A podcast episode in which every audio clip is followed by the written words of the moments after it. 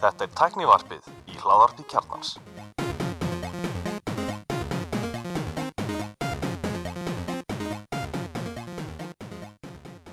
Komið þið sára öllblessuð, velkomin í Tæknaðarfið. Ég heiti Gunnar Reynir, Ég heiti Axel Ból við erum með góðan gest, Jökun Solberg. Sælir. Velkomin aftur í þáttin, við, hérna, þú varst í þættinum okkur fyrir tveim vikum, Mhm. en sá þáttur fór, þáttur fór til loftið því að hann glekaði upptakan, hann hefur henguðum bara hérna í settið í ármálunum. Og ég er svo stressar að taka upp núna sko því að hérna, það er maður aldrei passið sér mikið því maður ætla ekki að skemma þessa upptöku aftur.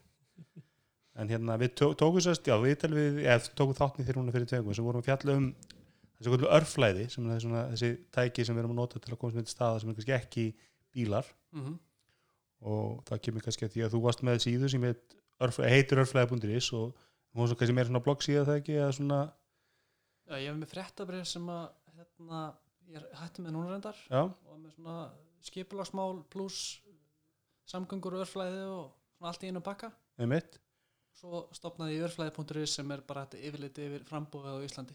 já, á Það er nýtt. þessum, snjall, þessum tækjum, þessum hérna örflæðis tækjum Já, bæði, bæði skúturnar, hérna, eða raf, raflabihjólinn og líka rafhjól. einmitt, þú komst til eitthvað fyrir árið síðan þá vorum við að tala um, um fréttabreiðið og, og hérna með getum við þá lesið gamla, gamla posta Mm en örflæði síðan er þá að fara yfir sagt, bera saman hérna þetta eru 300 tækjum. Þetta eru, með ramas hlaupahjól Mhm. eða, eða skútur. Rafskútur. Í umfyrra lögunum er þetta reyðhjól sé ef Já. vilja fara út í þá salma. já, samkvæmt lögum. En þarna, þetta er svona, svona rest og röstlflokkur en, en langstæsti la- st- stærsta tækið þarna inni eru rafhljöpahjólin mesti fjöldin þá já, já, svo erum við með, eh, ra, já, við erum með rafhjól Mhm. sem er bara að segja sjálft, rafskútur sem er hlaupahjól og svo létt bifhjól Já. sem eru þá allt frá því að vera bara rafmaslöpahjól, neða rafmashjól sig Mhm. eða sem er lítið út úr þessar rafmashjól en eru öflugur í þessi stö- stöðluð og þá þurfa þá skráningu og tryggingar Mhm. og alveg upp í bara mótorhjól í rauninni já, þess að létt bifhjól er á milli rafhjóla og mótorhjóla mm og, og þarna eru annars vegar með hérna, rafhjól sem að fara hraðar en 25 km hraða og hins vegar tæki sem eru öflugur en 250 watta mótor en eru þá bundin þetta 45 km hraða hámark Já, þess að þetta er ra- létt bifhjól í flokki 1 og 2. Já. Flokki 1 þá ertu komið með öfluri tækin sem að fara samt á hámarks 25 km hraða og þannig að þau eru svona mýkri í nótkun, fara ekki það hratt. Og þá meguðu deila plássi með, með hérna hjólum og, og nýta, nýta stíganetið. En ef þú ert komin upp fyrir 25 km hraða og með öfluri mótor þá ertu í flokki 2 og þá þarf þetta að skráða þá þarf þetta að borga tre- tryggingar sem er cirka 90 skall árið eitthvað sliðis og þá máttu ekki nota enna mjúku vegina eða enna þetta köngu stíganett sem er alltaf að byggjast upp sko. en, máttu, ekki hjólast í það Nei, en, þú er komin á hann hraða þá er alltaf stilur sért bara í umferð með bílum á þeim tækjum. en hvernig hver er svo stökki í bara ramas mótorhjól sem er þá yfir bara vantilega eins og við hefðum mótorhjól bara má fara á 200 þessum Það er annarkort ef að tækið leiðir að fara meira en 45 km hraða yfir það eða öflurinn 4 kW mótor. Þá ertu komin bara í mótorhjól. þá, en, þá, þá þáttu líka númer þá bara með hefðbundi bara númer eins og það eru á mótorhjólum Já. og, og, og vantilega dýrari tryggingar Uh, þekkja hann ekki, já, öruglega. en, en kannski maður að sé við bara kannski byrjum það samt á því við, þú kostum til ykkur fyrir árið síðan og, og þá voru svo að tala með hvað finnst þér svona hafa þró, hvernig þróunu verið á, á 12 mánuðum frá þau tölum sem að síðast í þessum pælingum Ég er að þetta upp síðast við tölum saman þá já, þróunin ég er búin að vera með djarfa spá þú veist, þetta verði mikil aukning og ég held að fólk sé svolítið að sjá það hún er svolítið að rætast, þetta er núna, ég veit ekki hvort það eru út af þessum COVID-vírus eða hvað, en það er al- algjör sprenging núna. Öll hjól eru búin í öllum verslunum og, og meira sem metnaði fylstu rafhjóla innflytendunni, þeir eru bara bara hérna caught off guard sko, bara þetta er bara meira mann uppselt. Og hérna og maður sér það bara út á götum. Ég, ég var að hjóla núna og það er bara er ekki sammála því. Það er Jú. bara brálaði blanda af skúterum og hjólum og Ég Vist, tók um- annarkvært hjól verið rafhjól líka sko. tókum þetta eftir þessi, ég byrjaði að mæta eftir vinnuna í síðustu viku og hérna hjóli vinnuna. Og ég hef bara aldrei séð marga á stífunum eins og núna. Einmitt, ótrúlega margir og ég mitt blanda eins og segir. Maður er að sjá klassísku reyserina og svo maður er að sjá rafjólun líka og svo skúturnar. Og ég var eitthvað að snattast um helgina og hérna var að nota hopphjólin í það. Og það var bara líka annar hver maður sem var bara á vergangi var á hopphjóli mhm, þetta var, maður er einhvern veginn miklu meira heldur en hefur verið undanfæðið Mhm. einmitt. Allt sem að ég var að tala um þetta síðast og þetta er þetta er ekkert eitthvað svona hugssjóna dæmi, þetta er bara þægilega að mörgu leiti algjörlega, veist eins og ég tók svona hoppjóla því að ég þurfti að fara með, með hjólum mitt í viðgerð í yfirhælningu og hérna svo þurfti ég að fara smá snatt þannig ég tók svona hoppjól og veist, ég var á þessi 20 mínútur ég borgaði ég 800 kall fyrir þetta eða eitthvað. Og fór út um allt. Þetta er bara geðveikt sniðut sko. Þið voru alltaf að stækka svæðið það ekki, hopp. Jú, við byrjuðum með 50-60 hjól og svo tókum við einn eitthvað álíka í viðbót þannig að við, það, við þessa stækkun við bættum við fleiri hjólum þá stækkum við þjónustu svæðið sitt líka.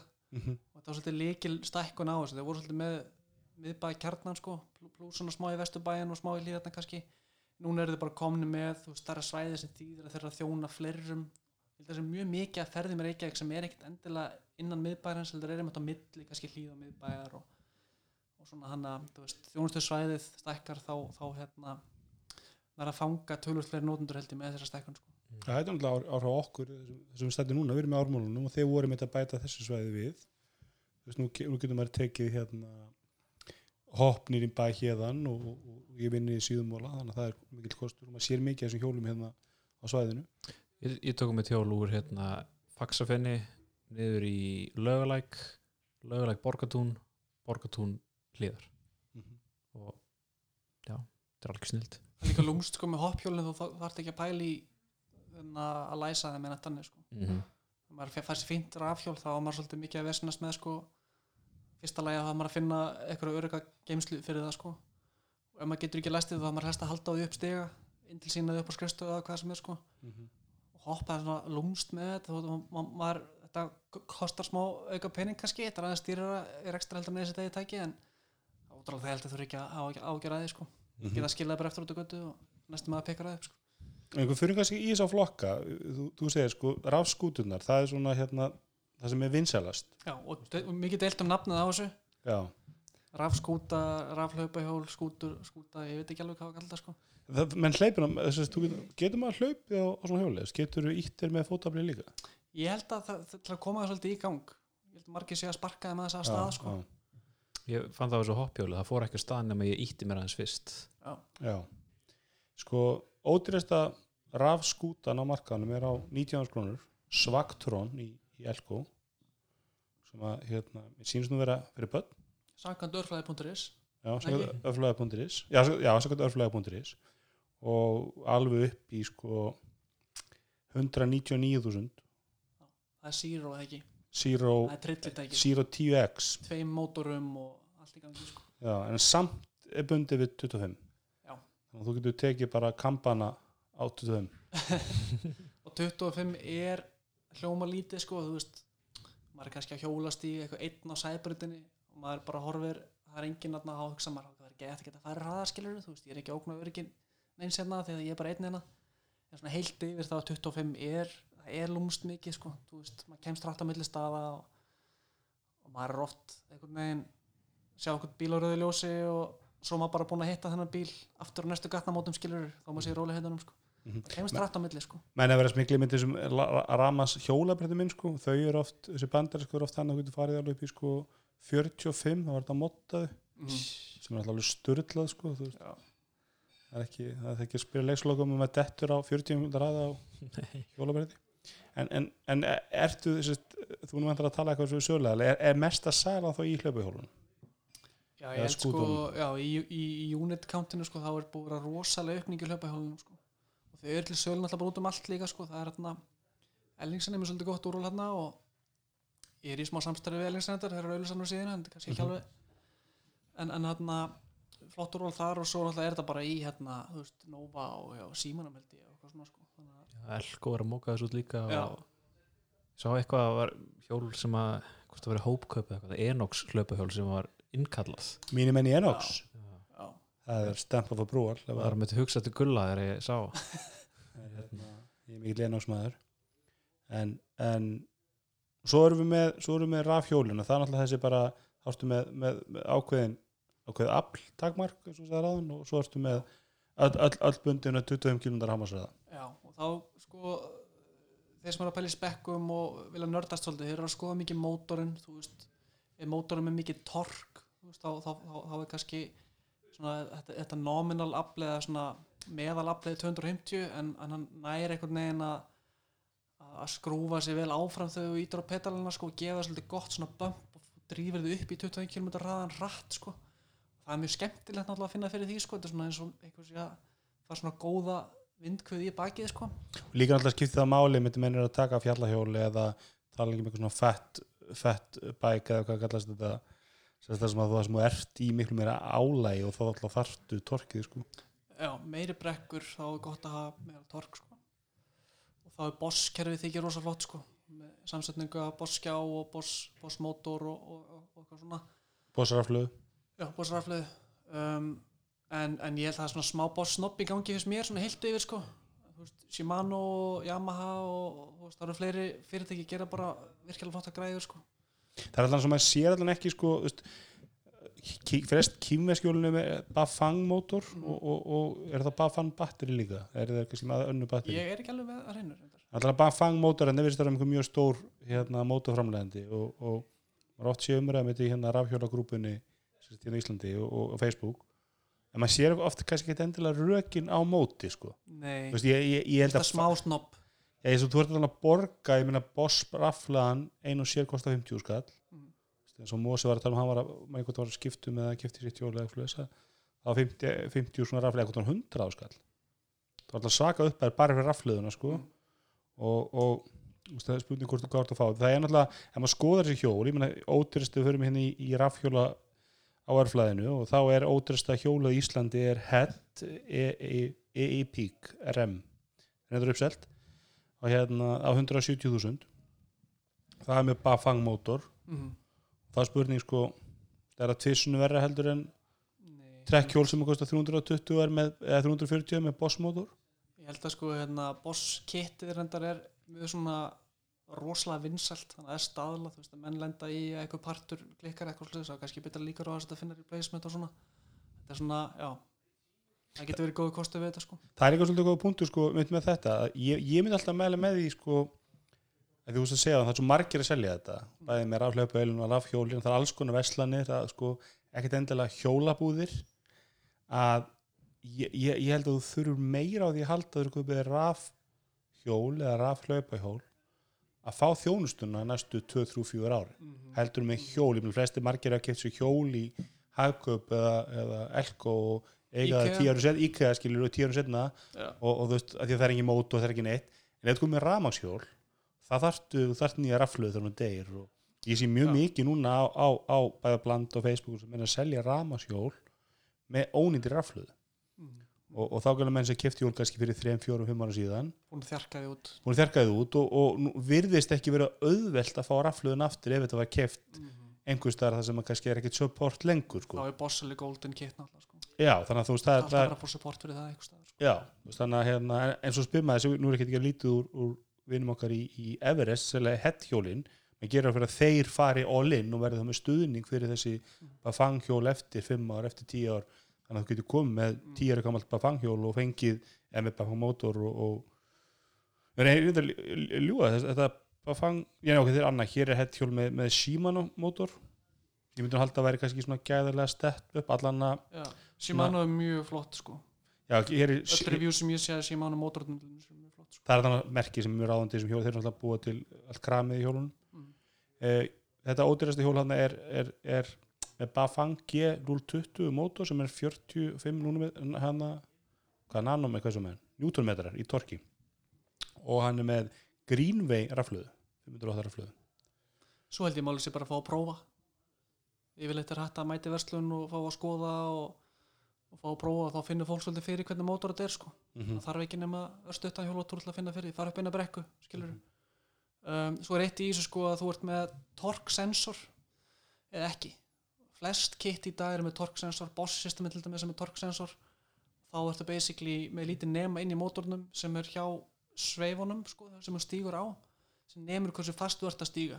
Hversu mikið viðnámið er frá þér frá löpunum þínum sko.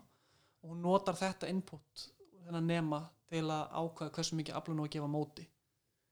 Sem því þess að þetta svona variable svona meðgjöf. Og er eftir þessum eða- stígur fastar. Þetta er einmitt sko þetta sem ég hef verið að benda á er að þetta er ekkit endilega kostur en þetta er svona meira fancy. Veist þannig að stígur létt það fara létt búst svo byrjar að stíga fastar það fara meira búst Mhm. þetta er svona hjólið að vera svona intelligent skilur þetta á svona nema hversu mikið afl þú vilt og getur nota lappina til þú ert ekki með íkju í stýrin alltaf Mhm. það ert að nota basically vöðuna og aflið þitt til að intuitively fá tilbaka úr hjólinu það sem þú vilt þau hjóli sem ég nota sem er kannski aðlíka hjólið þess að Salla sem að lánaði mér og, svo hef ég prófað tuðrann hjól og ég veist oft er það svona þetta er svona, það kikkar einhvern veginn svona ónáttúrulegin þú okay, þú ert á hjóla og svo allt í henni gefur þið inn og þú ríkur að staða þú Ákveðlega, þetta er það sem bosskerfi gerir þetta er mjög miklu náttúrulega það sem ég sé svona, þú veist, meira smúð þú finnir kannski ekkert endilega fyrir því þú sért með að fá aðstóð sko. Svo getur stilt á skjánum ennþá betur hversu, hversu mikið getur stilt þessa aflkurfu sem farið í stýrinu og þetta í ykkur eco-mode kannski, þá farið það svona léttan stöðning sem er svona gradually kickar inn. En ég ætla að bæta við henni, ég er á Mate City sem er reyndar hætti með, þeir komin að Mate X sem er svona starra núna, meira svona off-road hjól. Já, það er hjólur Ellinsen en ég er á, fyrst, ég er á fyrstu kynsluðan að Mate búin að vera að þjarka því út síni fyrir og bara gegja hana með það. Lítið og nett sko, ég fíla það. En það er sko, það er ekki með torksensorinn að því þess að um leiðu ég byrja að stíga á pedalana þá er nefnir sem fattar hvort ég er að stíga eða ekki. Og þá bara gefur hún ákveði mikið afl eða ekki, það er bara on, on off er meira svona ígjöf í stýri eða það sé bara svona hnappur í stýrinu sem er að gefa aflið. Mm og ég persónulega eftir að nota það mjög mikið mér finnst þetta að vera næs. Þannig ég er bara svona lulla áfram með pedalum með fullan kraft. Já, ég held sko núna þegar ég er búin að upplifa bæði kerfi og finna fyrir þessu ég vil bara fá takka í stýrið sko. mm Það er alltaf með, það, ég skilur þetta ekki, aldrei skilur okkur það er ekki leift hjólum þegar eins og í, í rafskútunum, þá er, náttúrulega er bara það er þróttul í stýrinu og bara, það bara, það er bara ígjöf sko, þú bara ítur að taka hann fyrir stað. Í, þróttul vera vannmetið sko. ég vil sjá það á fleiri hjólum sko. já, það er náttúrulega þessum hérna heiti ekki Super 73 sem eru, er þetta ekki selt hérna? Er, Super Sogo Super, Soko sem er selt úti. það er létt bifjól já, lúkar og svona lítar svo úti þessu svona 70 skellunörur mjög töffjól og þau eru einmitt sko með, með ígjöf sko, getur Já. bara gefið inn. Já. en þau, þau myndu skrást um létt bifjól hérna. strákanir í klöptöp, þeir eru komnir á svona hjól. Já, ok. Þannig að getur orðið eitthvað trend þar. Það- það ekki cool sko, ég held, ég að Lógi Petrus er líka á svona hjóli. Já, Ég ok spurði hann svolítið mikið út í þetta svona, hvernig er að vera á þessu skilur, eftir að nota hjólastígan eða ekki,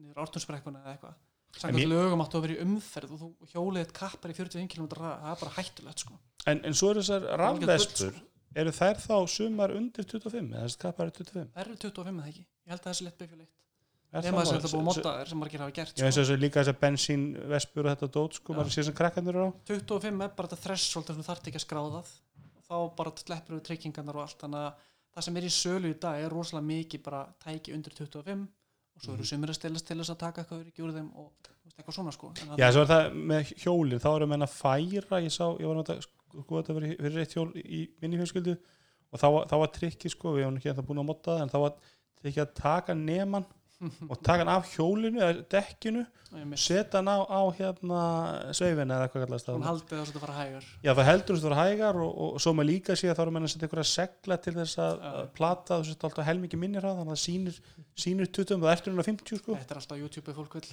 fara. að- en þú veist málega er alltaf bara þú veist eh, þetta hljómar alveg skemmtilega og er skemmtilegt að komast að þess að ræða þú vilt það sko en þú getur lent náttúrulega bara ykkur tryggingavesinni og, og, og þú, þú berða ábyrð á, á fleirum en bara sjálfur í umferðinni og það við hjólastíðana líka sko.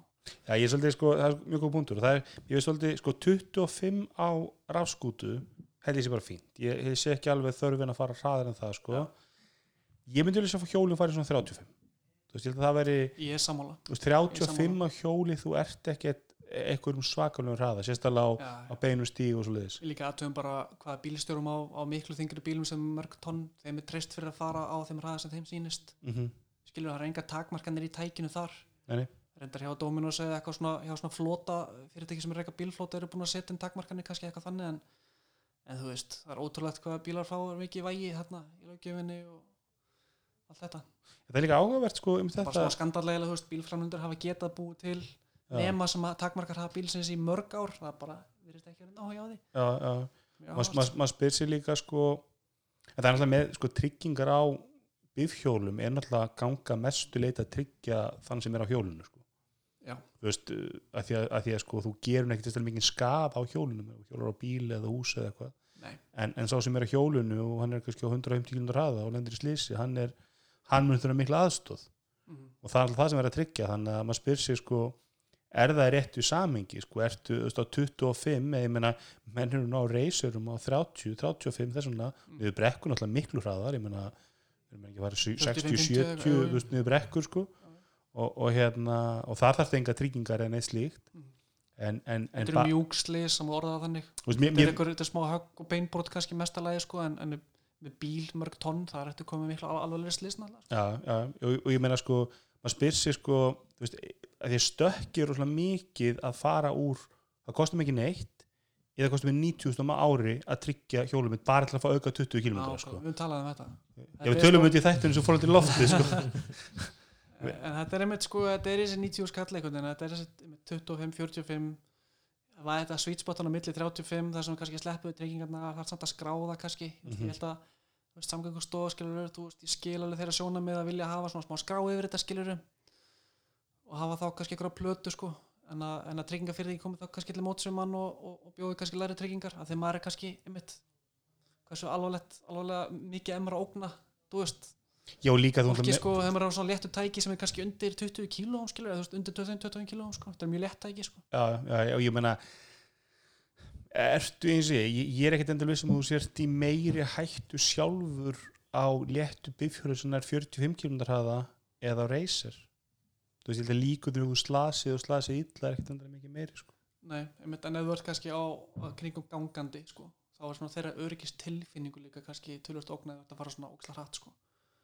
það er mikið að það nöldra og kvarta og tala um þetta skilur þú veist að, að, að það sé vera að blanda saman hérna, umferð á göngustígum skilur það sem fólk er í, í sér í mjög mjúku umhverfi skilur mm -hmm. til dæla þröngi stígar ennþá þú veist, í öðrum myndum eru tölvöld breyðari og það er verið að brekka á, þú veist, með þessu nýja fjármagnir sem er að koma í gegnum SSA og allt þetta sko, en þarna þannig að líka hérna er oft bara eins og, hverfi sko, þannig að plássið bara lítið það er já, já, ekki um að taka inn agrina sem kannski ekki vinsælt.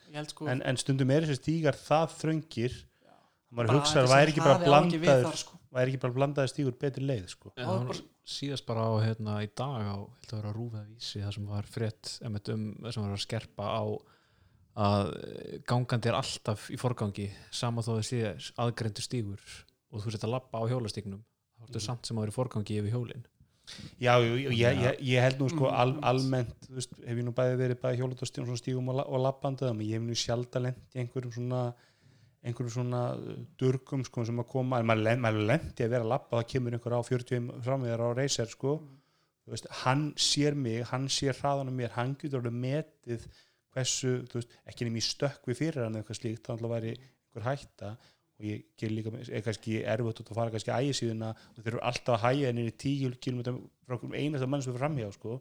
þannig að þetta eiga menn alltaf bara vera varir um sig líka sko.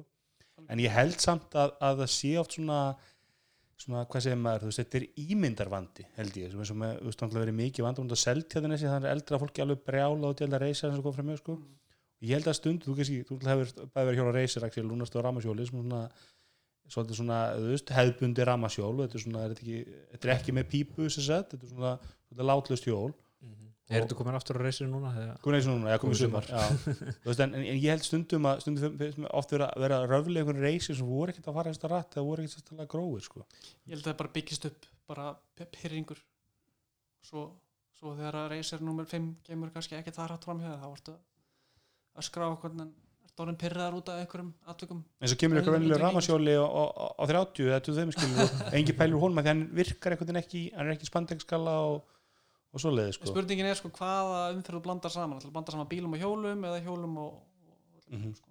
en það er náttúrulega veist, það er náttúrulega líka fyrir eftir í hvar þú veist, til mér segir svona í miðbæ þá náttúrulega þegar, ég hef verið að hjóla allum lögabinn þá er ég bara á göttuna því að þú veist umferðin er ekkert að fara, ég hef held, held í við umferðina já, já, og ég ætla mörgum þröngum göttum það er náttúrulega bara 25 skilur 30 minn væri bara tops þegar þú væri bara sama hraða bílarnir ég vona að kera úr hafnafyrin í Reykjavík um daginn og undir brúnni á kringlumölubröðinni það var sett maður á reysir og hann tók heila akrin Mm. á sínum reysir sko og, og nú má örgulega flett upp í umfyrirlega þetta sé fullkomlega rétti þarna Mm. en maður sá bíla vera að negla niður og taka sveig fram hjá hann sko, þannig að veist, áhættan var alveg rosaleg sko, að taka sénsinn á þessu sko. En ég hef upplefað mikið mun frá því fyrra. Mér finnst þetta sömur að vera langt besta sömur hvað var að viðmót bílstjóra og, og svona gagvat hjólandi sko. ég, ég, ég hjóla mikið á rafhjólinu sko. ég, ég lefum bara að taka slatta pláss og ég reyna að vera með bílunum frekar en, frekar en hérna upp á kangstjætt ég er að hjóla bara í hlýðum á miðbæ og eitthvað svona -hmm.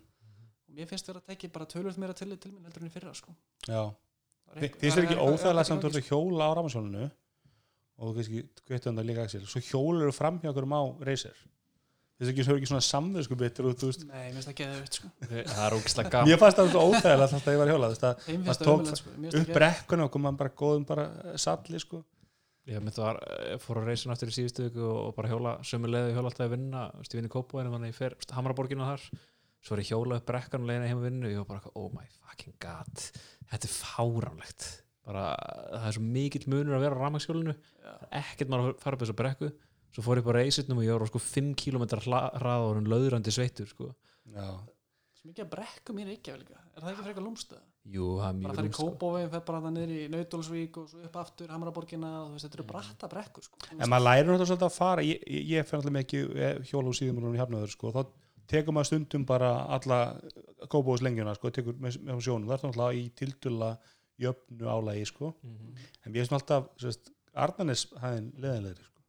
maður er einhvern veginn undirbúin undir, undir kópásbrekkuna sko. Og þú veist, maður, maður kemst yfir hana en svo kemur helst Arnanes þegar hún er svona löng og aflíðandi sko er mér finnst það bara svo klika sko, þú veist, þú ert að fara þarna frekar bratta brekku og maður er með 250 watta mótor og maður er svona, maður siglir bara þægilega, þægilegum hraða. Ég held mér, þú veist, 20 km hraða eða eitthvað, minn mótor 250, ég, ég kemst ekki 25 nema ég er svona virkilega stí á pedalina sko. 20 km hraða segjum það, þú veist svo fyrir ég elko að köpa með blandara, hann er 1200 watt. Þú veist, þetta, þetta, er að finna hvað pingu lítil mótor, lítil raflaða mm -hmm. gerir fáralega mikið bara fyrir mobility um heila borg Mhm. ég hleð hjóli bara annarkvað dag og það er kannski magna sko. og það er kannski þessi hluti sem að, sem að þú fjallaði mikið um í Reykjavík Mobility í fréttabrefinu þessi pæling sko að ég meina hvað eru margar rafluður sem passa í, í raf, rafhjól eða rafskútu í einni Tesla Já, þú veist hvað getur notað rafluðunar úr Teslunni í mörg rafmanshjól og rafmanskútu Mundurinn er bara 4 kíló í hjól og 400 kíló í bíl. nákvæmlega Þetta er bara 1% samt ert að fara á sveipuðum hraða. Ekki djóka, miðsvæðis ert að fara jafn hratt og þessi bíl. Mhm. Það er magnað sko og þetta er bara þægilega og skemmtilega. Þú veist, ég, ég, var- ég var hennar rafbíl, ég, ég er með hjónda ef hann er kæma og ef þá hann sé full hlaðin, þú veist, það fyrir eftir, eftir hverju að fara en þú veist, í rúmlega helming ferða þegar ég get valað milli tækina mér rafhjóli skemmtilega sko. Mhm. það er ekki eitthvað svona hugsun og dæmi eitthvað ég dyrka rafhjól, jú, ég dyrka rafhjól allt þetta sko, en ég finn það bara, þú veist, maður, er að- maður er að gera þetta val, það, er veit enginn hvað tæki ég vel, þetta er bara mín ákvörðin rafhjól er bara þægilega sko. það er alltaf magnað sko.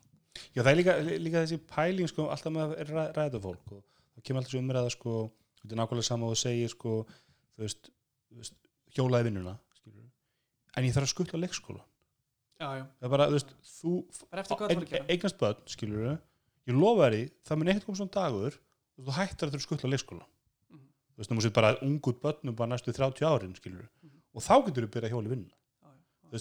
eða hættar að skutla í skólan eða þú veist, vorum við ekki aðeins yfir þetta í síðasta þegar kom hann það fyrir, fyrir fyrir árið síðan. Já, vorum við ekki að segja að þú veist fjölskyldubílinn er bara frekar nett konsept, það er ekkert að því sko. Nei, Það ég er, en, ég, að- er þess að mennur átt að þrjá, það er þú veist, ekki hjóla í janúar ekki byrja að fá þér ramasjól Mm, og hjólaði Ég stað í var. skilur. prófaðu mæ, mæ, júni, júli, ágúst. Fjórum mánuðir, eða sex mánuðir eða sjö mánuðir, bara bíl nummer tvö í mæ ég meni, ég held ekki allir hérna, þrjóskir og Axel og hann hjólaði allar metur, skilur, í janúar og februar í, og mars í, í drullinu og slappinu og snjónum. Ef þú sleppir samt fjórum mánuð, þá hjólar átta mánuð ári vinnu og ef þú hjólar bara á mánundum og miðgutum þá hjólar þú samt, þú að þessi litlu hlutur ég held að- sem ég bara ger, maður sér það bara samfélag það er fólk hvað að koma á rámasjólu vinnu og þetta er alltaf að því að þú veist menn, margir nenn ekki þótt að sé kannski sturta vinnu, það nenn að menn ekki að mæta einhvern veginn, þú veist það er slemt að mæta vinnuna, eiga samt eftir að nei ég er ekki, ég er ekki byrjaðar að vinna, ég er ekki komin þú veist, þú, ég ætti að vera í sturtu ég myndir fundurinn að byrja, skilur að koma að flýtunum er, er ekki komin, skilur þannig að, að kom bara vinnuna feskur, þú veist, kannski aðeins heitur búin aðeins að, aðeins að velja þau, Smáreyfing, smá reyfingu, þú veist. Það er slott. Og svo getur þú bara sett slögt á móturnuleginni heim og fengið góða æfingu. Ég hef aldrei slögt á mótornum sko. ég, sko, Ég bara, ég finnst svo gott að fá bústið sko.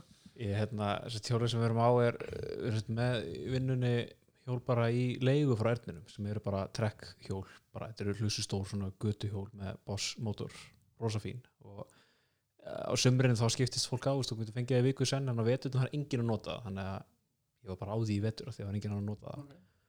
og ég lendi í því hérna, í vetur að batteri fór að klikka. Og það fara eitthvað vatnir á batteri og það, svo, stundum þá var maður að hjóla svo allt í hennu datt ígjöfin í og bara svona var að hjóla og svo bara búm, allt í hennu stoppaði maður eins og maður fór að vegg. Mm. og þá verður maður að láta allan kraftin í það þetta hjól er örgulega 30 okkar kíló og ég þurfti að hjóla þessast úr kópóinum niður í örnin með ekkert ramagn og ég, var- komin upp í sko 180 slög á kabla og ég var svo löðrandi fucking sveittur þegar ég mætti í örnin Mm. þetta er bara, ég, síðan það hef ég aldrei slögt á mótunum sko. Nei, ég fann það svolítið pappið með svona, svona fatbike frá hérna hetti mitt og, og ég á svona trekk svona hérna bara hefðbundir af hjóls en er hérna reyðhjólsi sem er svona, svona hybrid hjól, það er að mjón dekkjum og mjög létt og til þess að nulla út úr þingdin á hans hjóli þá þurfti að fara í þrjá veist, allt, allt minna en þrýr þá bara miklu þingar hjóla hans hjólin mínu þrýr af sex sko Mm. þannig að þú bara að nulla út þingdina og þingdina á dekkjunum og breyttina á dekkjunum og því, þá varst það verið þrýr allt yfir það varstu þá faðastöð sko. þetta er sem að sér það uh, þegar fólk eru svona ramaxhjólum og svo ef maður hjóla fram heim á reysirnum hann leiður komin upp í 25 þau eru miklu fljótur en þú upp í 25 en svo komast þau ekki mikið hraðar en það mm -hmm. að því þá er þetta farin að þurfa að setja svo ógeðslega mikið afl í hjólið og þá verður bara löðrandi sveittur Mhm. en á reysirnum og er ekkert mál að komast upp í 35-40 á jafnslettu Mhm. þannig að Já, góð punktur og auðvitað ég held að flestir sem eiga raffhjól eiga líka hefbundi hjól og ég er ekkert endilega því að raffhjól séu löstin fyrir alla, ég meina eins og mínu umhverfi, ég bý hafnaverði ég hjóla mikið í mínu umhverfi hjóla upp í búðina, hjóla í svona ef það er að fara í kjötbúðina eða eitthvað svo leiðis en ég myndi þurfa raffhjól, þú veist, ef ég væri með raffhjól þá get ég fyrir út úr hafnaverði, get verið í Garðab eða Kóp og ég ólíkitt var að hjóla mikið úr hafnaverðin í Reykjavík það er alveg svona 30-30 myndur að hjóla þaðan og, og þú veist, í góðu veðri er það fínt eða leut komið með slendur þá ertu komið með að þú þarft það mikið að hjálpa hjólinu og þetta mjög öflug hjóli að þú ert alltaf að koma heldur sveittur í vinnuna sko. þannig að þú veist, hjól henda mér rosalega vel umfram rafmjörnsjól sko.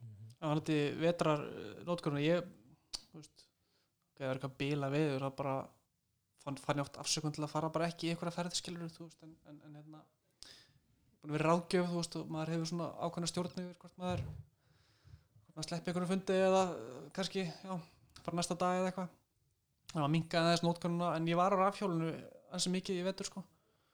Ég bara einhvern veginn, ég veit ekki, ég bara lækkaði nakkin svolítið til að lækka þingdapunktin og, og hérna, fór ekki að nagla dekk sko Þitt er náttúrulega svona svolítið á svona feitum dekkjum eða ekki, þessi, Eh, þessi meithjól Já, sko, Mate X er á feitum dekkjum en ég er á City sem er upprunna og það er með bara frekar basic dekk sko. Já, ok, en það er samt ekki svona racer þessi það eru alveg Nei, já, það breið milli dekk Já, hvernig var það í vetur og það var eitthvað snjór þetta er fyrir lágt eða ekki dekkið jú, lítil, lítil hjól sko. -hmm. var það alltaf lægi að vera á því í snjó og svoleiðis eða Ég er rann eins að belja á svelli sko, ég datt aldrei sko, því að lappirnar hafa mjög stutti, ég gætt bara nelt löpunum niður sko. þingdapunktur var bara mjög látt niður sko. Að- en ég hef með skíðagliru ég mæli, mæli með því sko. mm. það er algjör negla sko. já, þá bara, mann er miklu hlýra andlutinu og sem mikið, mikið hitatapi gegnum augun bara miklu betra visibility miklu, já ég, hérna, ég er nýbúin að taka þau að mér sko, en ég var með þau langt fram á fram á sömur sko. Kannski við erum aftur eins í þess að pælingar milli, þú veist, ef maður velja þessi rafhjól og svoleiðis, það er náttúrulega eins og verðbilið er mjög mikið og að maður er líka þessi átt og átt á því sko, að verðbilið bara hjólum getur um mikið. Mm og það er í ördinni með mikið hjól á, á 90 skall og mikið hjól á 700 skall sem er ekki ramasjól, sem er bara hefbundin reyðhjól -huh. og menn er að borga fyrir alls konar dýrar skiptingar, ramaskiptingar bremsunar eru, eru, eru diskabremsur eða hefbundabremsur og svo leiðis þannig að það snútið með, með, með það svolítið að skoða sko, hvernig er annars og sem er mótorinn og hvernig er batterið og það. Og hvernig er þess að bara hjólið sjálft, veist, hvernig er þessi hjól að reynast án ramasmótora, er þetta gott kram? Mhm. er þetta góð, er þetta góða gerðir? Er þetta góður hérna, góða skiptingar og slíkt?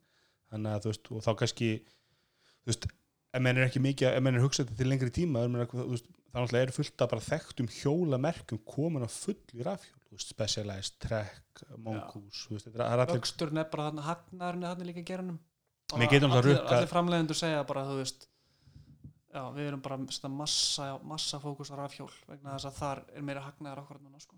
og ég, ég, ég er nokkuð sem það að þeir sem fara í rafhjólin eru örgulega móttækilegri fyrir með hefbunni hjóli líka, skilur, bara hjóla meira og, og, og þú veist, menn, menn fara svolítið að eiga kannski eitt hjól fyrir, fyrir slittun og annað fyrir, fyrir hérna borgina og svoleiðis mm. og þannig að er þetta alltaf rosalega skipulags máls dæmi sko, því að ef við sjáum bara borgina þéttast og við sjáum sko þétta borg í vera stærri heldur en bara 100 Reykjavík þegar við komum með hérna, þetta svæði sem núna svona ætlar að koma hann að voga byggðin Mm. og, og þá ætla að þétta það áttina, áttina miðbænum þá voru komum bara með til að þétta 50-60 manna byggð sem er öll með hjólastími, er öll með til dæla góðu flæði á milli stígan þetta er, að, er bara ágætt í dag mm Mhm. og það er að fara að vera miklu betra að það er bara mjög mikið fjármagn að fara í þetta sko. bæði frá Reykjavíkuborg og svo er komið samstarf á milli sveitafélaginu um svona heildstætt svona ég veit ekki hvort þetta er kallað hraðstíganet en ég, ég held að hönnunastagallin á, á, á, á stígunum sem er að tengja þetta allt saman verður svolítið flottur sko. Þú lendi í stífeitur hvernig þetta samstarfur ekki í dag var þetta mokstur Já, ég lendi þessi stíði að ég var hjóla úr Reykjavík í Kópavog að það var oft mjög mismöndi tímar hvernig það voru mókar og veist, ég lendi stundum í því að veist, ég var hjóla úr Reykjavík yfir í Kópavogin, bara í brekkunni hérna, með frá kringlumherbröðinni svo allt í ná bara ekkert móka lengur bara, maður sá bara línuna þá bara lendi maður eiginlega bara í skabli sko. og svo reynda líka í vetur þá var náttúrulega verkföllin í hjá Reykjavíkuborg þannig að það sko, var svo öfugt að það var ekkert mókað í Reykjavík og það að koma yfir í Kópavog var bara eins og í paradís Það var einmitt, ég var einmitt, ég tók því ég hafna var allan, ef það er ekki að vera að tala um það sko, það eru að, aðrir aðalega sem á götunar heldur en, heldur en stígana Já, það eru með verktaka held ég Já. í því þannig, að það sem voru göt, stígan er ekki mókaðir En ég hugsa sko eins og ef að stígarnir verða orðnir upphittaðir á einhverjum tímapunkti þá verður alveg geggja að hjóla vitna. Er það planið? Það er plan allan að nýjir stígar eru upphittaðir Já, Eit, eitthvað að nýjum. eitthvað nýjum stígunum Já, Og- svo mikið af þessu framkvæmdum líka skiptast á sko nýji spottar, nýja tengingar og svo gatnamót. Ég held að hérna fólk hefur svolítið verið að sko þessar kílómetra tölur sko, ætlum að leggja hérna svona svona marga kílómetra hjólastígum og rosa gaman sko. En þú svo byrjar fólk að hjóla og það er bara alltaf að stoppa á gatnamótum það sem það er bara mætir afgangi bara 100% eitthvað neginn sko. Ég held að næsta núna verður farið að svolítið metnað í að endur hann þessi gatnamót sko. Þá ætla að vera allt vittlust sko. Ég sjáu bara umræðinni kringum kringum hann niður yfir höfn þar sem að strætóin á ekki að fara í útskott þegar hann stoppar heldur hann á bara, það eru tvær agreinar og strætó ætla bara að hægja og hleypa einhverjum inn og einhverjum út. Mm og bílarnir fyrir aftan þurfa hann eitthvað að skipta um agrein eða bara slaka þess á og það er bara, fólk er ekki að höndla þetta einhvern veginn sko.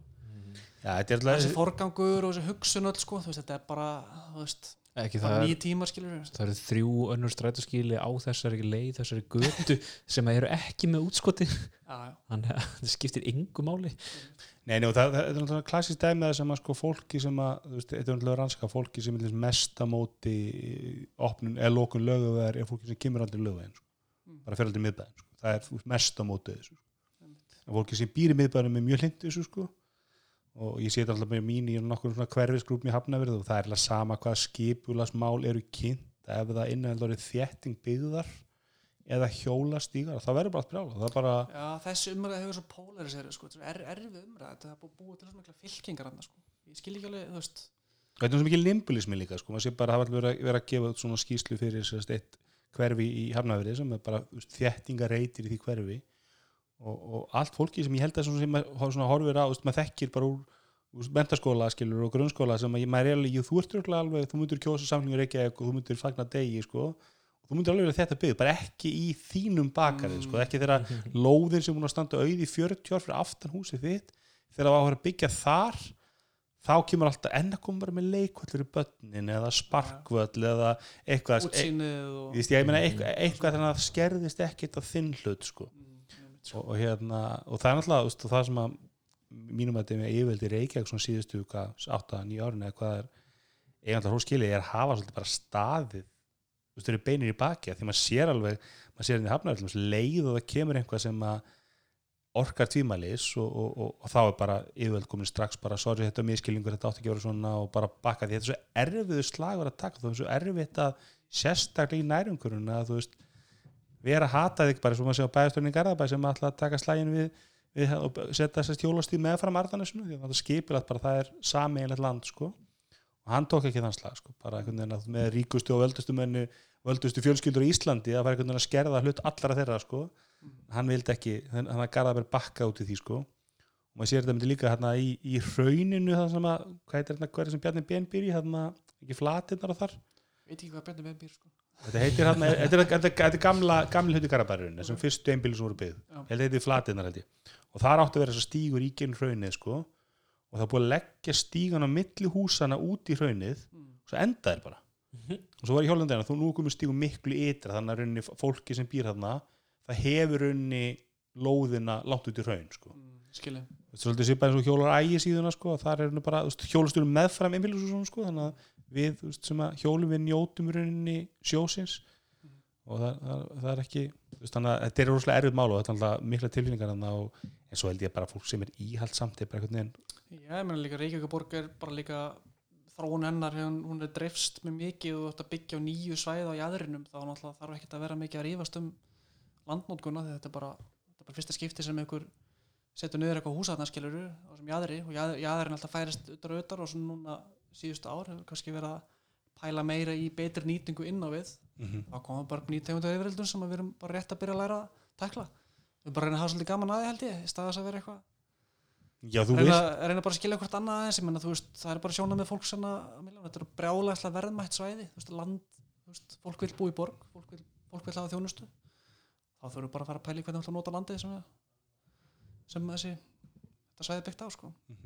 Þannig kannski út frá þessu var, ég sá mér bara á Facebook ég var að bóka í þáttinu og þú ert að kopna, eða kom eitthvað startu fyrirtækið ekki í, í með þessum gerum, svo varst ekki komið með þér heitu síðast í, smúð svona það, aðdraðandi að þessu. Já, ég, hérna, ég og Guðmundur Kristján Guðmundur Kristján er hérna, skipularsfræðingur hann var mikið að skrifa um skipularsmál á hennu sín tíma og við erum æsku vinnir var hann ekki með hlaðvarpa kjarnanum þarna um, sem heitir aðförin, var hann ekki með það? Smeltpassar já, einmitt, einmitt. Saknaði þess mikið. Og uh, já, við erum æsku vinnir og ég var hérna í ráðgjöfinni og svo kom þessi vírus og maður var einhvern veginn hafa aðeins minna að gera og, og þá fá mann eitthvað að klæði puttana fara að gera eitthvað nýtt og skoða eitthvað nýtt og fá hugmyndir og svona og, og hann fór að sína mig bara hvernig fundargerðanum er miðlað hjá Reykjavíkaborg til dæmis. Og veist, öll sveitafélagin bera rosa mikla ábyrð á, á, á þessari stjórnsýslu sem var að skipulagsmál. Þannig að hérna byggja bílskúr eða, eða hótel og allt þar á milli þá, þá þarf að eiga við, við hérna sveitafélagin og hann fór að sína mig bara fundagerðina sem þessi hlutur í tekni verið hjá byggingafulltrúum og skipulagsfulltrúum og svona, svona heimur sem ég bara komast inn í sko, hann er skipulagsfræðingurinn og þekkir þetta betur en ég.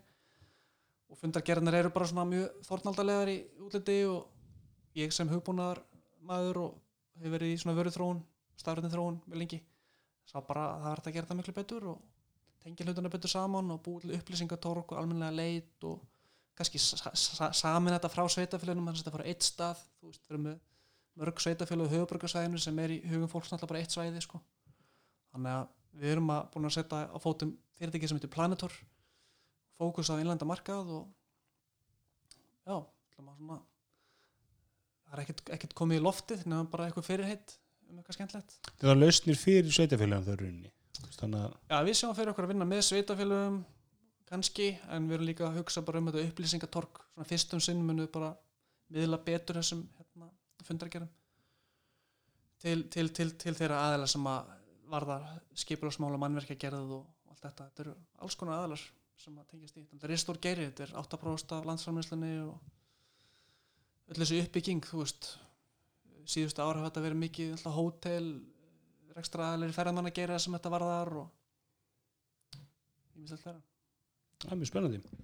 Og þetta, þetta, þetta skarast náttúrulega allt ég menna eins og vorum að tala um á þú veist þetta að, að sko Já, ég menn, ég byrjaði að skoða rafhjól og hingað er ég komin að gera eitthvað skipulagstól hérna á Íslandi og það var það er klárlega eitthvað vegferð úr því, þú veist, ég byrjaði að skoða þessa litlu mótora, hvort það hefur ekki eitthvað þar.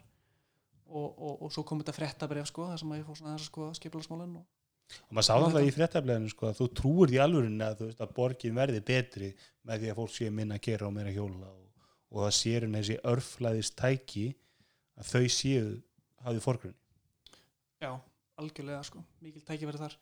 Og bara þú veist að maður kemst úr þessu að, að, að hérna fólk sé að, að hjóla einhverju hugssjón, það er allir bara frábært skilur fólk er með hugssjón en viðskipta tækifærin byrtast þegar að fólk sér, sér sér hag í einhverju sko. Og við hefast örflæði að vera svo mikið þar.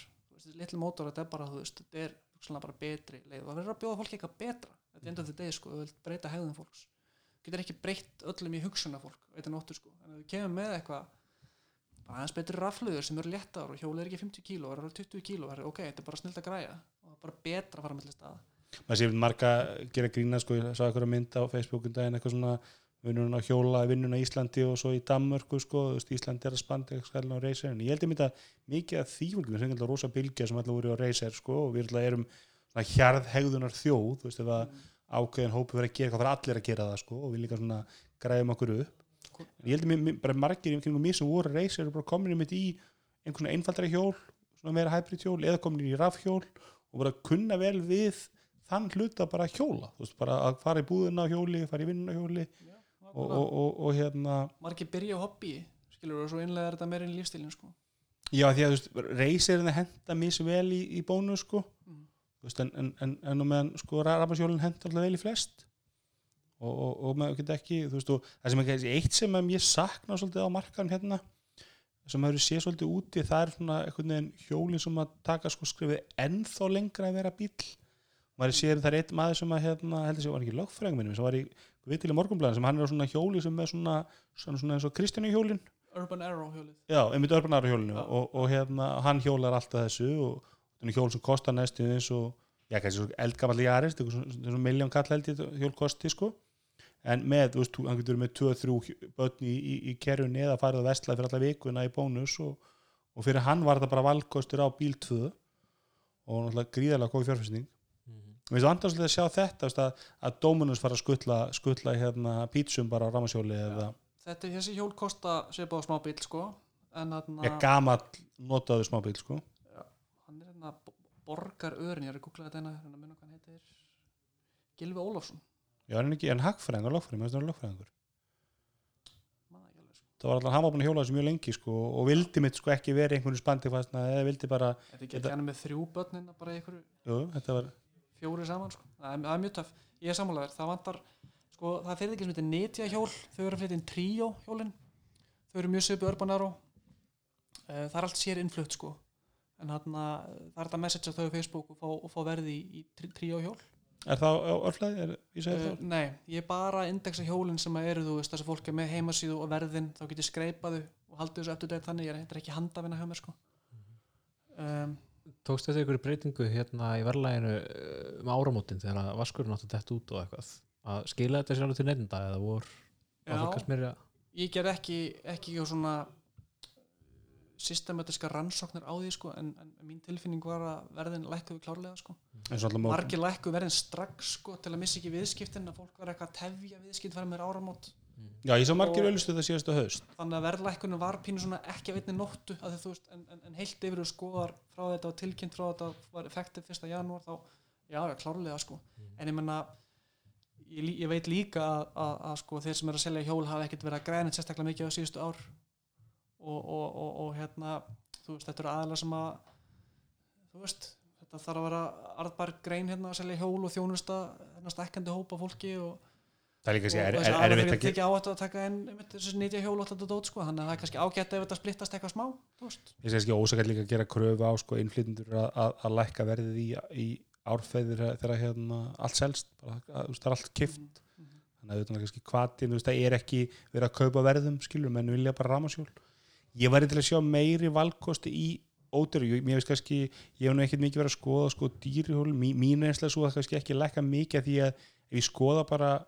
ég ætla að vera til búið okkur mér ódýrsta rafhjólið á markaðanum, skilur 100-150 skall, þá hafði ég einhverja valkosti fyrir 2-3 árum og árið síðan.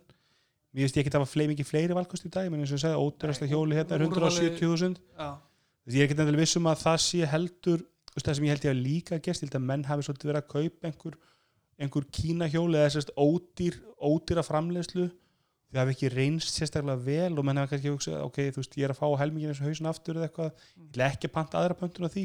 Þannig ég held að kannski eru menn þú veist, en, en ég held að IKEA hjólum alltaf rosalega kókum, það var að 100 skall með raflöðu fyrsta útgáðan, svo hækkaði um 10 skall árið ári setna og, sko. og ég held að það hefði verið rosalega góður svona svona, end, svona gateway drögg fyrir hennar marka það var þannig, sko. þannig að ég held að það væri gaman að sjá einhver far nálgast 100 skall, kannski 120, 30 svona hittum náttúrulega að gengi náttúrulega sko, veikjast gríðalega frá áramótu þannig að kannski vaskleikinu kom inn og svo, svo, Einmitt, sko. svo veiktist Kemur á móti, móti nástu sömu uppað sko, þannig að að margir spurt hann út í IKA hjólinn sko, af hverju IKA hætti með þetta sko. Mhm.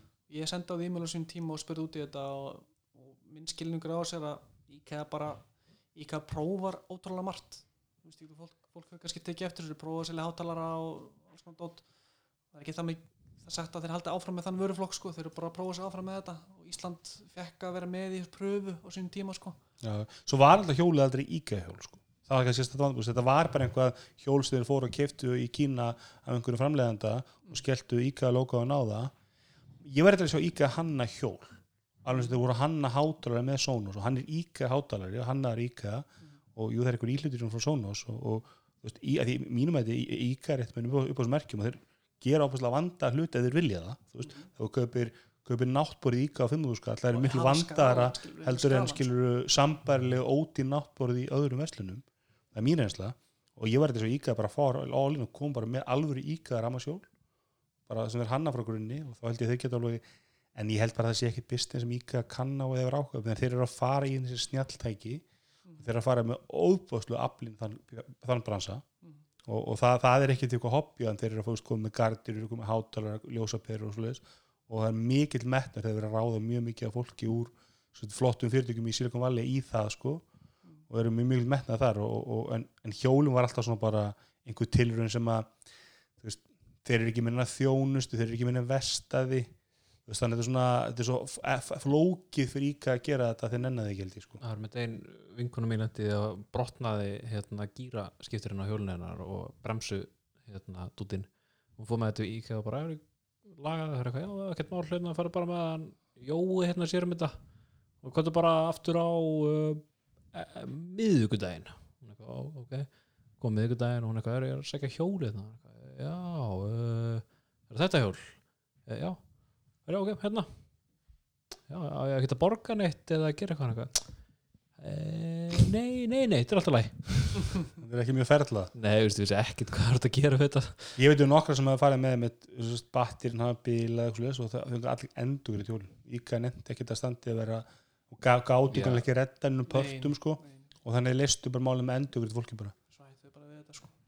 Þannig að- En Svona- ég, er- ég er ánægð með úrvalið, þú veist, ég, meni, þetta er, fór, fór í þetta ferðlega en að finna alla sem er að selja þetta og komum bara á óvart, þú veist, það er bara, það er bara fimm- 15 held ég aðilar sem að ég er með á örflæði og 300 okkar tæki, þetta er bara, já, það er held, ansi, ansi gott fyrir þennan litla markað, þannig að vantar ekki úrvalið en það vantar samt sko tækirendara því að það er hygg- hyggst sko selst allt upp hérna og svo er eitthvað versmiður í Kína sem að, sem að er reyna að koma með þetta supply núna sko mm. þannig að það verðist vera eitthvað hyggst í, í hérna virðis keðjunni sko það sem ég veist vantar svolítið inn á markaðin er, er svona einhver svona disruptor bara eitthvað fyrir því sem kemur inn á rafhjólamarkaðin sem bara rafhjólaframlegandi það var announcement frá hana Kogoro Kogoro er hérna tævanist fyrirtæki. Þeir hafa verið með svona skellinurur skellinurur í Suðustra Asíu er alveg hjút stæmi þú veist. Mm og hérna þeir hafa verið að fókus á rafskellinurur og núna eru þeir að lónsa í bandaríkinn fyrst skipti og þeir eru að hafa ekki unveilað tækið þannig að það er ekki designið á því og lukkið er ekki komið orðið public en þeir eru byrjað að tísa mjög mikið sko að þetta sé svona lightweight og ætla að reyna að disrupta markanum að vera með léttasta rafhjólið eða eitthvað slíkt sko. það er alltaf fyrirtæki sem heitir One Move sem er hollenskt fyrirtæki. Já, þeir eru að hanna, bæði hanna virkilega falleg hjól og eru virkilega að metnaðin, þeir eru að smíða allar hlutir í það sjálfur eða miklu leiti, sko, þeir eru ekki bara og fókus á netsölu þú þú fókur neður, þeir eru sérst, þau líta ekki út úr þessu rafhjól, þú sérð ekkert batteri það er inn í pípunni og, og, þannig að, sko. og mjög flott og, en þeir eru kannski svolítið dýr, það samt þeir eru held ég voru nú að kynna ódurri línu en það er svona, fyr, maður var þetta gáðan að sjá sko fyrir því komum bara inn sem hefur engan hagað að selja þér hefðbundi hjól Mhm. það verður engu að tapa og getur bara svolítið kertin á markaðin og, og verið bara með þú veist, 150 svona rafhjól sem er bara drullu gott skilur, og það, það er ekki þá skemma skemma framleiðina því að selja þér 100 svona reyðhjólið sko. Þess er aðlega fyrir að gera átt að segja sko, með netsölu hvernig ætlar að þjónusta hjólið ætlar að láta senda það inn eða ætlar að gera díla við lokal Mhm. viðgerðar aðila vegna þess að það er alltaf að hugsa um heilda myndina sko, þú veist, þú selt einhverjum hjól og alltaf svo að vera svo íka, veist ekki hvað það gera þegar fólk kemur svo til þín sko Mhm. og hérna, þess það er ástæð fyrir að vannmúf lonsar ekki verið út um allan heim í einu þú veist, þeir þurfa að finna út úr logistics fyrir hvert og eitt land og mjög fúlt, þetta eru geggi hjóli, ég ætla að kaupa mér svona en það, þú veist, Mhm. Ís- Ísland er ekki á listanum skilur allar að kaupa svona hjól. Nei og það er það eins og segir sko, það er, það er þú veist, það er eitt að kaupa þessi hjól á 350 skall, það er annað að, að það bilar að vera þá veist, með hjólið stoppa því að, að því að einhver varlutur er ekkert til og, og hann er ekkert sendur og þú ert að fá með krókulegum sko. og þá fær maður alltaf meta hlutverk þessar retailer í Íslandi skilur við Mhm. þú veist, þeir eru að sinna mikilvæg hlutverki. Já, ég, ég myndi alltaf fara í, í reyðhjóluveslun, bara einhvern sem með, þú veist, út með þekkingun inn út með, út með, út með fólk, ákváða þjónustu já, bara og, og vei, það vita hvað er með höndun, þú veist, hann, hann, er- hann er að, sko, þóttu borgir aðeins meira fyrir, því. Oft líka þegar maður er að sé, sko, menn eru, þú veist, maður, sko, skoðan, ég minna, við að tala um hann með, sko, verðin, við erum, er nú hérna, hvað, fjögur hjól undir 200.000, þannig að, þú veist, maður- það er sífn að vera svona til tvö hefbunir reyðhjól og svo eitt fjallhjól, þannig að, og eitt svona í, hvað sem að götuhjól fyrir konur, þannig að, þú veist, þetta er, það er um undir 300 skall er alveg með hérna ekkur 20-30 hjól sko. Þannig að valkostundir er nokkuð margir og, og, og, og það er, þetta er allt svona til dæla virtir og flotti framleiðendur á hjólum. Svo var, var þetta verðpunktana sko að spurning hvort, hvort að hérna, rafskútunar hafi svolítið komið inn og fyllt, fyllt í þann markað sko. Getur fengið rafskútu frá Xiaomi veist á, á 70 skall eða eitthvað sko. Mm -hmm. eru undir 50 sko. Já, ok. 40, og 47, það er orðaróminn að segja að þessi komið nýr, þessi komið nýja línur í núna í mæ og hérna hann er mennur Það ekki að dömpa það er sami framleiðendur með börn og læm og svona verið að versla af en sjá mig, er það að kaupa Já. þessu svo veglega sem er hérna hvað er þetta sem er með skútunar hérna sem er út í leikt, hvað er þetta? hopp Hopp, það er svo veglega, svo massívar það er með Þú veist. 358 mótor stærri, meira stördi þetta eru sko skútur frá Acton heitir fyrirtækið, þeir eru sérstaklega hanna fyrir flotarekstur Já. og það er aðeins munur á fyrstu kynnslóðinu sem þið fengu inn og næstu að líta alveg eins út en setni kynnslóðin er getur það mikilvæg eiginleika fyrir flotarekstur og þau getur skipt út á rafluðin á staðnum. Þannig að fyrstu 60 hjólinn þeir þurfa að keira um og sækja alla skútuna alla hlaðan ekki starf sem er þú veist hellingsvesen, núna getur þær keift aðeins fleiri rafluður heldur en hjól. Hlaðið bara haft heita rafluður á mótnana sem þið keir út og svappa bara on the spot sko. Já, voru þeir að gera þetta, fara bara að sækja hjólinu pikka upp og Já. fara með eitthvað vöru og hlaðið þar? Já, og þetta alltaf Íslandi er labor cost eh, hérna, mjög hátt sko, þannig að þú veist gríðilegt hægrað í þessu að hann geta skipt á rafluðunum á staðnum. Þekkir eitthvað til þetta, veistu hvernig þetta gekk í vetur? Ég meina hvað, þú veist, hvað er áttu mörg hjóla eftir eftir veturinn og svona? Ég þekki þess að gæða, sko, þetta er algjör snillingar sko. Eiki og Ægir og félagar hefur hérna Aranja, þetta er hugbúnað fyrirtæki þeir ákveðu bara að henda sér hennar rekstur líka. Þú veist, þeir eru að gera heimasvíði fyrir reysa sko, hérna þeir vissu af mér og ég hafði þá þegar við byrjum að spjalla saman, þá hafði ég verið að pæla rosalega mikið í að, að fá fjármang til að stopna svona, svona, svona fyrirtæki. Og ég ætla að fá einn alveg ógeðislega flott hjól sem þetta St- St- Stromer frá Sviss. Kostar 600 skall stikkið sko. Og ég ætla bara að reysa fullt af pening og bara gera þetta með stæl sko. Gera þetta almennilega. En þarna svo hætti ég svona við það sko að snúa mér öðru. En þarna fylgdist, fekk að fylgjast með þeim sko farið gegnum, gegnum sína vegfæri og þeir gerði svo ókesslega vel, gerði sitt eigið app sko. og hérna app, app, þeir sem að nota appi þeir, þeir, þeir sjá þess að þetta er, þetta er mjög slikk allt saman sko flott hönnun og eins og þú segir, flotta græður og þeir ákveðu strax að fjárfesta í þú veist, góðum græður sem endast vel að því að orðspórið á, þú veist, börn og læm er að skúturnar eru bara drastl þetta eru bara svona leikfangaskútur sem bara notar í flota, það á ekki að gera það. Framleiðandan á skútunum hefur meiri sér sagt á rástefnum, bara ég veit ekki hvað er að kaupa þetta af mér. Þetta er ekki flota græjur sko. skal hanna fyrir hvað flota þið viljið það sko, kosta þess meira. Svona, skjóta á þess aðala sko. Já, með, með, líka þá, ekki er, þá er þetta kólefnis fótsporið reknar heildar útblástur á svona tæki með förgun og framleiðslu og öllu þá er þetta ekki dólega umhverjusend einu sinni sko. Nei, þó þetta sé raflaða sko.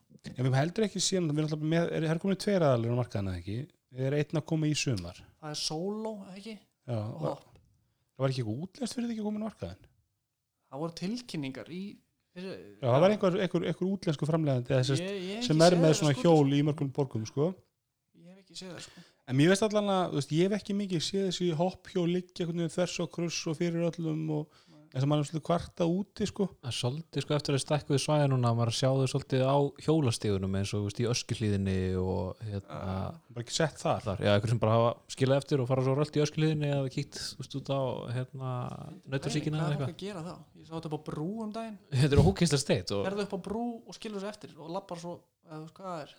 Spurningin og það er algjört vesens og að fara og ná í hjólið. Getur ekki út af hvað en eru þeir ánæði með þessi stárangurinn veistu það? Klárlega, sko. Þetta var gott, gott pælutverkefni Já, ákónarnir þið byrjuðu alltaf höstu sko það var svona Já, og þeir, þeir sko, þeir neldu líka verið dekkin þeir skrúfuðu nagla svona stöppa í dekkin til, a, til að hafa nöglum í vetur já vel gert sko ég veist nú magna þetta við duga veiturinn og, og Ég hef ekki heyrt um neitt skútu flota rekstraðalega sem hefur gert það áður Nei. þannig að við erum með svona séríslenskt fyrirtæki að- svona hanna inn í séríslenskar aðstæður sko. Og þeir munu alltaf að fá sprengi í sumar þeir náttúrulega verða allir bara heima og mennir að fara bara mikið inn í bæ og kíkja á östuvöldu og eitthvað svo leiðis það verður alltaf þetta Sprengin er algjör sprengi þessu sko. hún er bara byrjuð Já. og verður að gegja veður og fólk langar að komast út Einmitt. þannig að ég held að þetta verður mjög gott sumar fyrir þá nákvæmlega. Hérna, ég held sem bara, bara skemmtileg spjall og ef mjög ná í því og kannski menna á áhuga á nýja reksturinn þínu með nýja startupinu hvert er að menna uh, heimasinn er planetor.io það er heimasinn nýja startupinu. Og svo örflæða.ri sem að vilja að köpa sér og örflæði.is örflæði tengi Já. Herru, ég segi bara takk fyrir okkur. Takk fyrir mig.